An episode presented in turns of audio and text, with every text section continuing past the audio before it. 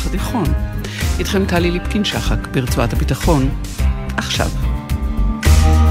ואנחנו פותחים אה, איתך פרופסור שאול קמחי, חוקר במרכז, אה, במרכז הבינלאומי לחקר החוסן, רז ווייל, בפקולטה לרפואה באוניברסיטת תל אביב, ערב טוב לך. ערב טוב, טלי, לך ולמאזינים. בחנתם את אה, מצבה, מצב החוסן הלאומי, הלא הוא החוסן החברתי, בראי תוצאות הבחירות. צוות חוקרים מאוניברסיטת תל אביב ומהמכללה האקדמית תל חי, ביצעתם שתי מדידות.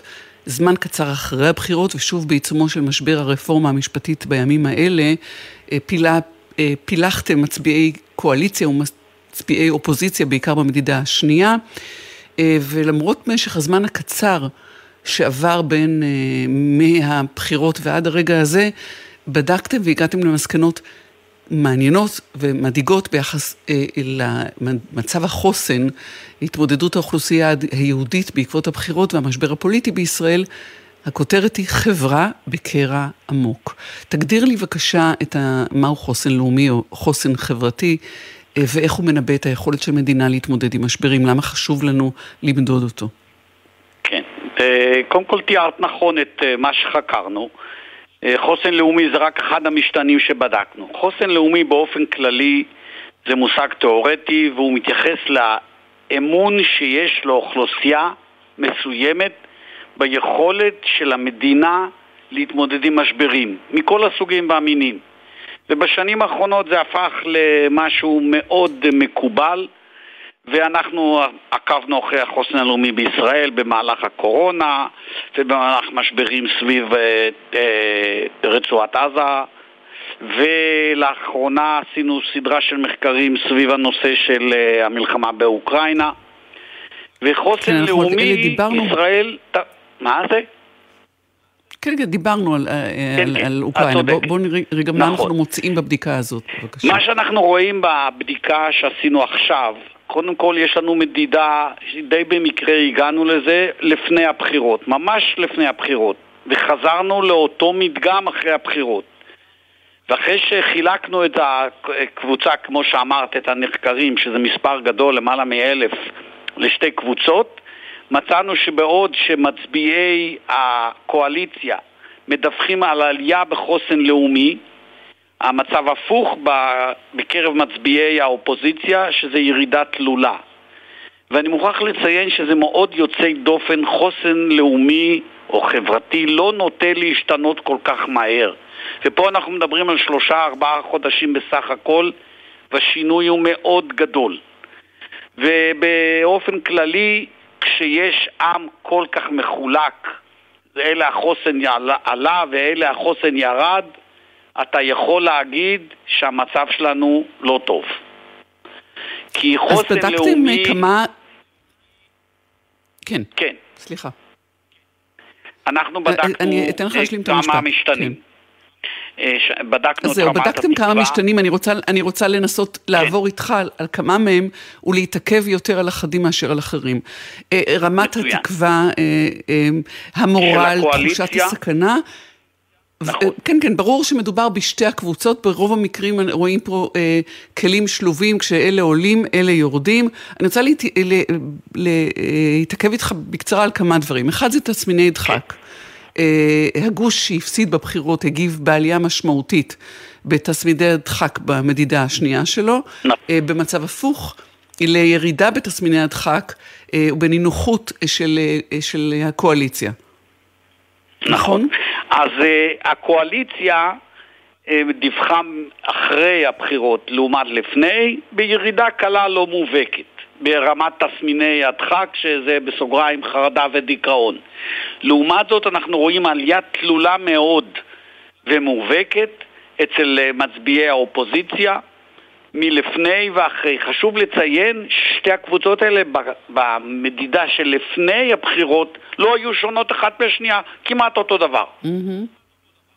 ואנחנו מדברים רק על יהודים, כי אנחנו בסופו של דבר, כשמדובר בקואליציה, נכון. או בהרכב הזירה כרגע, בהיעדר מפלגות ערביות, נשארתם רק עם המצביעים היהודים, וחילקתם אותם על פי המפלגות שהם הצביעו אליהן. דבר אחר הוא הסכמה עם כן. ערכי מגילת העצמאות, שזה גם דבר מאוד מעניין, פרופסור קמחי, כי שם חלק מהערכים של מגילת העצמאות, יש אה, באחדים מהם הסכמה, ובאחרים פער גדול. אה, אה, בהתייחסות אל אותם ערכים, ואתם רואים בזה מאפיינים של הקרע. באילו מערכים מצאתם פער גדול? ומדוע ההסכמה על ערכי מדינת, מגילת העצמאות הוא מדד זה... של חוסן? כן. מידת ההסכמה זה לא מדד של חוסן, לפחות לא שאנחנו יודעים, זה פעם ראשונה שהשתמשנו עם זה. אנחנו חשבנו איך אנחנו בודקים את מה שנקרא את הסולידריות החברתית ואת מידת ההסכמה. ואז הגענו למסקנה, בואו ניקח וננסה את העקרונות של מגילת העצמאות. יש שם שמונה עקרונות, לא שינינו אותם, רק קצת את הנוסח כדי שלא יזהו שזה המגילה. אז בגדול, שתי הקבוצות בסך הכל אמרו תמיכה גבוהה.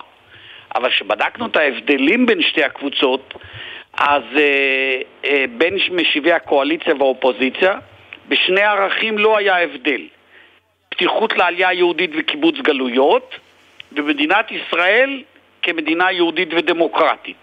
לעומת זאת, כל יתר הערכים שהם שוויון זכויות, חופש דת, גזע ומין, ביסוס החברה על, על ערכי חירות, צדק ושלום, נאמנות לעקרונות האו"ם, שמירת המקומות הקדושים לכל הדתות ופיתוח הארץ לכל יושביה, בכל שש הערכים האלה ראינו פער בולט ומובהק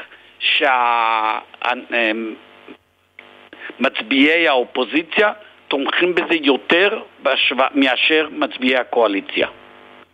זה חדש, אף פעם עניין... לא מדדנו את זה עד היום. אוקיי, okay, וזה, וזה מסוג המדדים או, אה, שמנבאים אה, לכידות, ו, ולכידות הוא, הוא מרכיב בחוסן.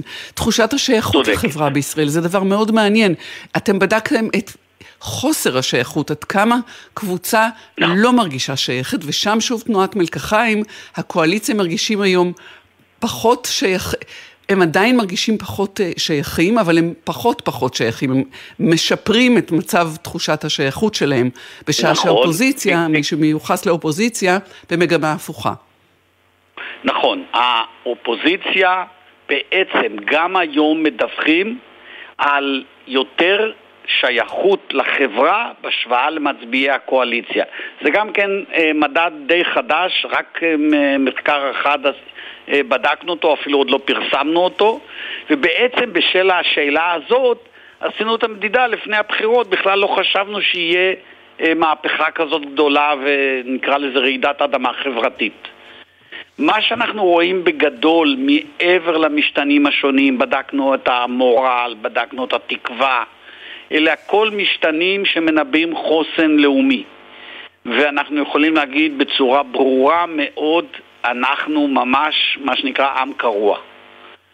אני, אני, אני רוצה רגע להישאר איתך דקה, אני רוצה להישאר איתך, פרופסור קמחי, בממצאים ולהישאר אה, עם עוד מרכיב אחד, התשיעי, שהוא תפיסת איומים.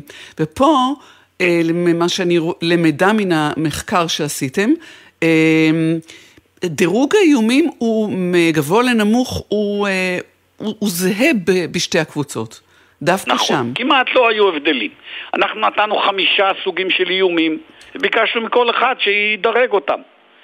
ופה הייתה הסכמה גדולה, הדירוג שזכה להערכה הכי, אה, זאת אומרת, לאיום הכי גדול שמאיים עליי אישית, זה היה עניין של אלימות בחברה הישראלית, ומיד אחריו המצב הפוליטי. יתר האיומים, הגרעין האיראני, המצב הכלכלי, משבר האקלים והאיום הבריאותי, היו נמוכים יותר. אז לבוא היום ולהגיד... גם רעידת אדמה. אה, כן, ורעידת אדמה, נכון. כן. אז אה, אם ככה, לפחות בנושא הזה, אפשר להגיד שיש איזושהי אחידות, כי כולם מכירים בזה שזה הדבר שהכי מאיים עלינו. זה מעניין, רק כל אחד כבר מפוזיציה אחרת. ולכן אנחנו חוזרים לסיכום, אתה מדבר במונחים של לכידות חברתית נמוכה ביותר, ששסע כזה אה, מאפיין, אה, וגם הסכנה בו היא למעשה, אה, אם, אם אנחנו בודקים את היכולת לעמוד באתגרים שלפנינו, היא להחלשה של היכולת הזאת. אה, כקולקטיב. אין ספק שזה מה שהמחקר מראה. אם את זוכרת שדיברנו על, ה, על החוסן של אוקראינה, כמה שמצבם קשה, ראינו שהחוסן הלאומי שלהם הוא הכי גבוה במזרח אירופה. והנה אנחנו היום ירדנו, ואנחנו קשה לדבר על אה, מדגם אחד, כי בעצם יש לנו שני מדגמים. יש לנו את המדגם של כן. תומכי האופוזיציה, ויש לנו את המדגם של תומכי הקואליציה, אגב, לא הבדל כזה גדול, זה היה 40 ומשהו, וזה היה קרוב ל-40. וזה מציג את התמונה שהיא עגומה בעיניי. עגומה ומדאיגה, ואנחנו מודים לך, פרופסור שאול קמחי, שהצטרפת אלינו, חוקר במרכז הבינלאומי לחקר החוסן בפקולטה לרפואה באוניברסיטת תל אביב. שלום ותודה לך. תודה רבה, לילה טוב.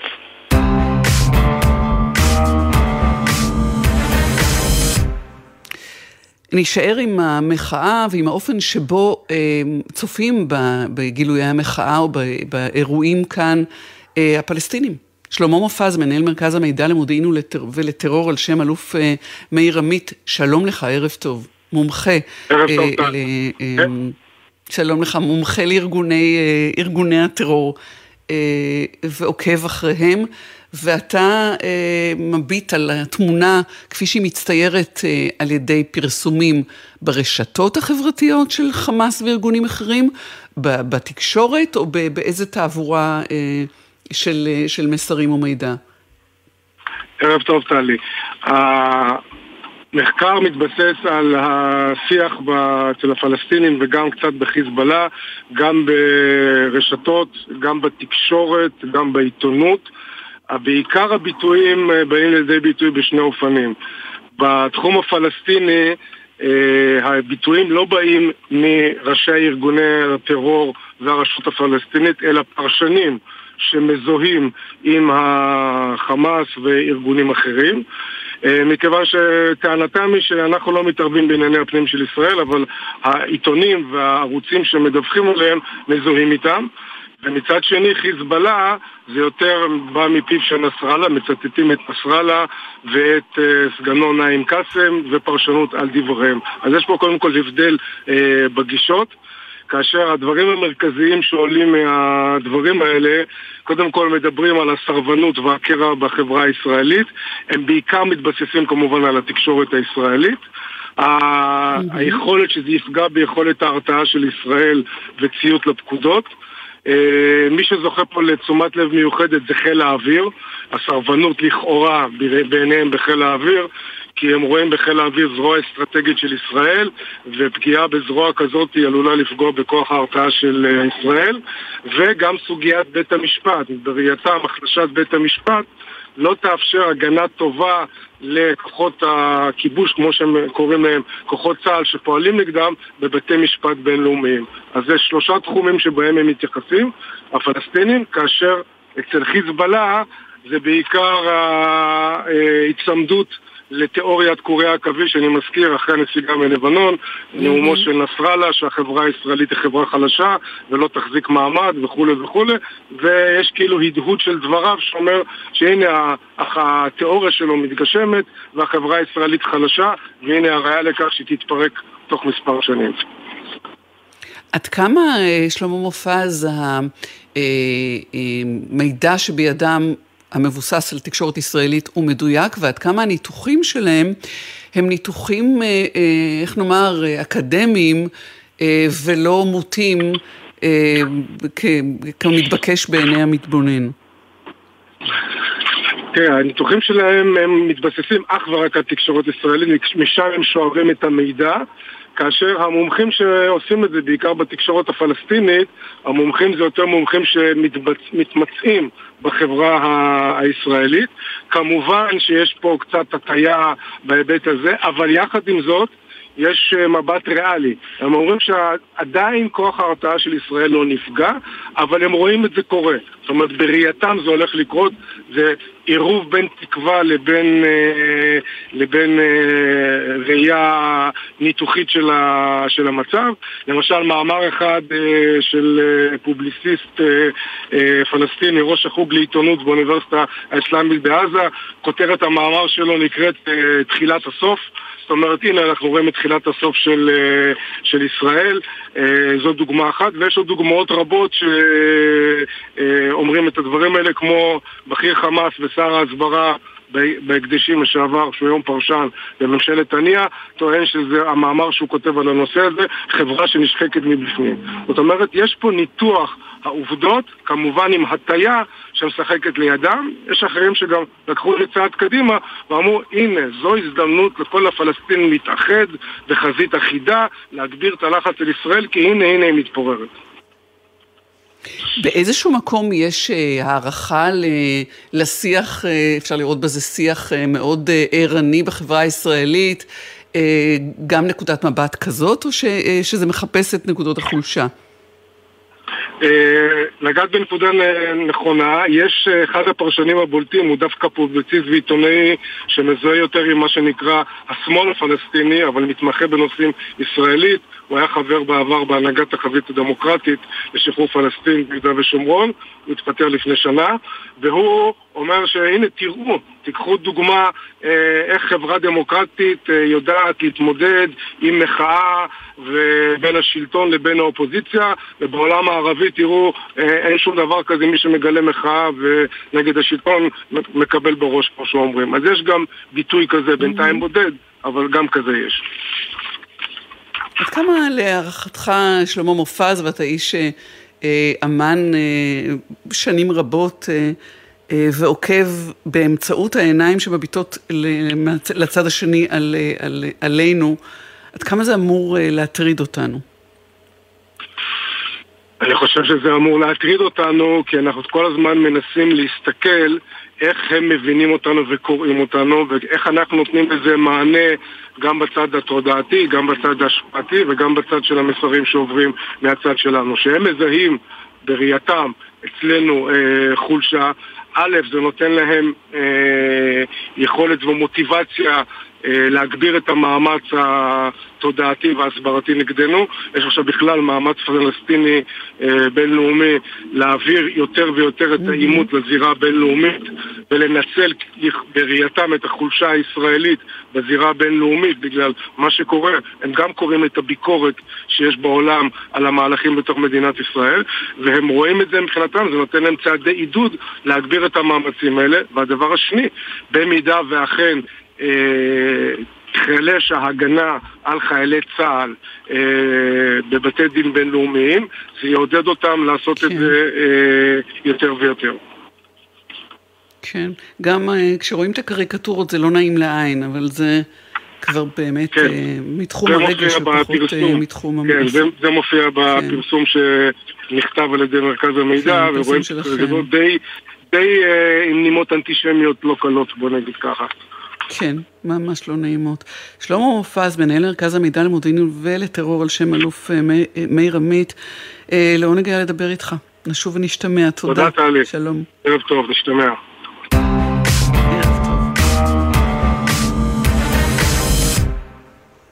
טוב, עכשיו נדבר, נדבר על סין, וזה לא בלתי קשור באיזשהו אופן, כי מידת היציבות של ישראל והמסרים בדבר עוצמתה אה, המתערערת אולי בתוקף מה שקורה אה, בימים אלה אצלנו, יש להם השפעה על המרחב. שלום לך טוביה גרינג, חוקר במרכז למדיניות ישראל-סין על שם דיין וגילפורד גלייזר, במכון למחקרי ביטחון לאומי בתל אביב. ערב טוב.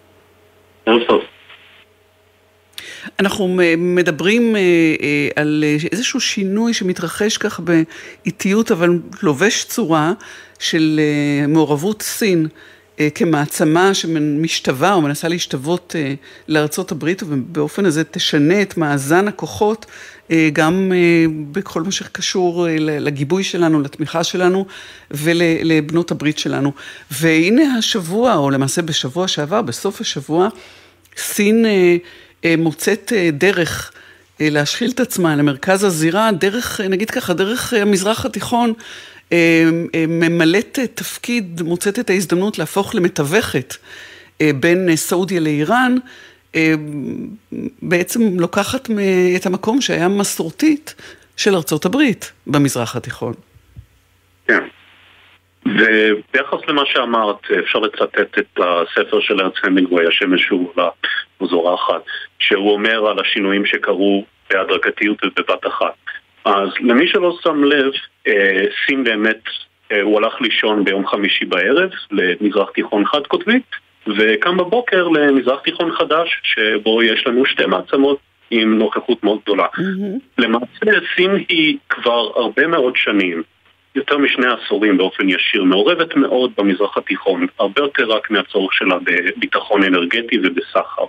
אה, וזה אפשר לשים לב בכל המובנים האפשריים, כמעט חוץ מביטחון ודיפלומטיה, שזה השינוי החדש, אבל בממדים אחרים, שזה בהשקעות, בטכנולוגיה, באנרגיה ירוקה, אנרגיה מתחדשת, רפואה, אה, במעבר דיגיטלי, בשינויים אה, אסטרטגיים שהמדינות עצמן רוצות בפיתוח שלהן עצמן, ועוד ועוד. יוזמת החגורה והדרך אה, של סין, שחוגגת השנה עשור, היא שם אה, מוכר לחלק מהאנשים, וסין היא מוכר חדש פה, זה מה שחשוב להדגיש. זה נראה שסין ערבה להזדמנות הזאת אה, להשתלט על הזירה באמצעות, דווקא דרך המלחמה באוקראינה והקשר עם איראן והחוסר או חוסר היכולת של ארצות הברית כמובן לשחק תפקיד בתיווך בין סעודיה לאיראן, משום שהיא לא נחשבת אה, מתווך הוגן והיא לקחה צעד כבר לפני הרבה מאוד שנים, כשסין לא עשתה את זה. אה, ושמרה, כפי שאמרת, גם על קשרים שנוגעים אה, למקורות אנרגיה וכן הלאה. והנה נמצא לה הרגע הזה ביום שישי, עם היוזמה של, אה, של נשיא סין, והשאלה לאן זה עוד ייקח. את סין מעבר לתיווך הזה, אנחנו יכולים עוד לחזות בסין מנסה לתווך בינינו לבין הפלסטינים, הדבר הבא. אז שתי שאלות, לאן זה יכול להתקדם מכאן ולגבי ישראל והפלסטינים. אז לגבי השאלה הראשונה, אה, כבר אתמול הוול סטריט ג'ורנל דיווחו בסקופ שסין מתכננת להמשך השנה ועידה נוספת, פסגה בין, בין אה, איראן לבין ששת מדינות, אה, איגוד מדינות המפרץ זה גם לא חדש, היא הציעה את זה בעבר, אבל הפעם מדובר ביוזמה שיקחו אותה הרבה יותר ברצינות בגלל השינויים שקרו ביום שישי. אז לשם פנינו מועדות. וכן, אה, עם האוכל בא תיאבון, יהיה לה יותר רצון אה, בעקבות ההצלחה הזו להיות פעלתנית יותר, והתעמולה שאני קורא עכשיו בתוך סין, על חוקרים סינים, הם אה, ממש נסחפים בלהט לגבי ההצלחה המסחררת, שאם היית קוראת את זה מבחוץ, היית חושבת כבר מחר בבוקר שי ג'ינפינג מקבל נובל לשלום. אז, אז הם שם מבחינה קוגנטיבית, אה, אבל צריך לשים הכל בפרופורציה. לגבי ישראל והפלסטינים, סין אה, למעשה נכנסה לענייני דיפלומטיה במזרח התיכון דרך ישראל והפלסטינים אי שם ב-2002 אחרי האינתיפאדה, במינוי שליח מיוחד לענייני מזרח התיכון. כמובן היו לה מספר יוזמות נשכחות ולא רלוונטיות אה, לאורך השנים, כולל גם בשנים האחרונות אה, כמה, שכללו גם ועידות משותפות לפלסטינים ולנציגים ישראלים בבייג'ין, שהם היו לגמרי לא רלוונטיים, ויש סיבה שאתם לא מכירים אותם. אבל שוב, השינוי הזה בשישי מראה שכן צריך לקחת את סין ברצינות, גם בעניין של ביטחון ודיפלומטיה. אה, יש לה מה לתרום וגם מה לערער. אה, בעיניים ישראליות, וכל זה צריך להילקח בחשבון. ולמיטב ידיעתך, וזאת שאלת הפרידה שלנו, ישראל כן. מנסה לרקוד על שתי החתונות, ללכת אה, בין הטיפות ולא לשמוט גם את ההזדמנות הזאת? אמ, היא מחויבת לארצות הברית, אנחנו מכירים כן, את ה... לגבי השינויים בשישי, הם תפסו את כולם בהפתעה מוחלטת, ואני אומר כולם, גם אנשים שישבו בבייג'ינג, אה, חוקרים וחברים, לא היה להם מושג שזה קורה. אז בוודאי שישראל וארצות הברית, גם אם הם אומרים שהם ידעו, אני לא קונה את זה, וגם אם כן, אז אה, עדיין לא כל מקבלי ההחלטות. אז לגבי העתיד, אני חושב שישראל צריכה לעשות דיונים מאוד רציניים עם כל הצדדים הנוגעים לדבר, עם החברות שלנו החדשות במפרץ, עם ערב הסעודית, עם ארצות הברית כמובן, וגם עם הסינים. אה, ולחשוב לאן מתקדמים מכאן. וזה לא אה, משהו ש... כן, סליחה, זה לא משהו שאפשר אה, לשנות. זה כבר קרה. ואנחנו צריכים להתמודד. עם המציאות הזו. אתה שומע... אתה שומע את האות, אות הסיום. טוביה גרינג, אנחנו נחזור אליך, חוקר במרכז למדיניות ישראל, סין על שם גלייזר, תודה לך על השיחה הזאת. טינה צורי, מפיקה ראשית של רצועת הביטחון, נונה ואליעזר ינקלוביץ' הפיקו את המשדר הזה, רועי אלמוס היה טכנאי השידור, גרם ג'קסון בפיקוח, אני טלי ליפקין שחק, ערב טוב לכם כולכם, היו שלום. בחסות כל מוביל, היבואנית הרשמית של יונדאי, מיצובישי, אורה, מרצדס וג'נסיס, המציעה מגוון מסלולי קנייה מותאמים אישית, לפרטים כוכבית 3862. בחסות ביתילי, המציעה 20% הנחה על מגוון פריטי ריהוט לבית וגם אספקה עד החג. אז מה נשתנה? הסלון, בסניפים ובאתר ביתילי. בחסות אוטודיפו, המציעה מצברים לרכב עד השעה 9 בערב בסניפי הרשת, כולל התקנה חינם. כי אין סיבה לשרוף את שישי במוסך. אוטודיפו. מה נשמע, נשמע, סוף השבוע, הבית של החיילים.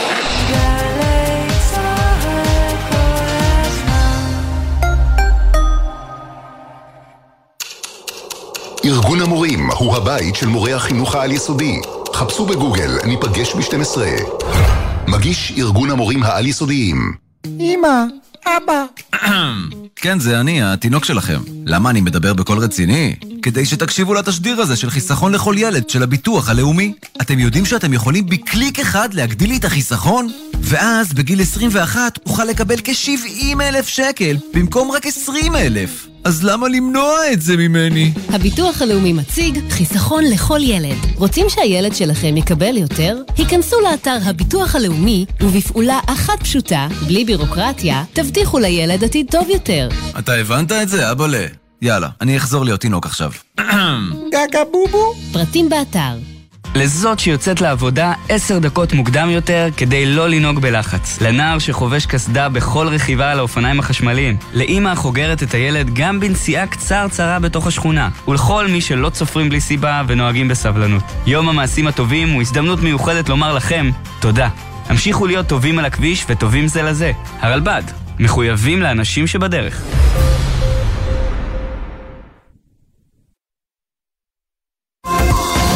עכשיו בגלי צה"ל, המהדורה המרכזית של חדשות ערוץ 12.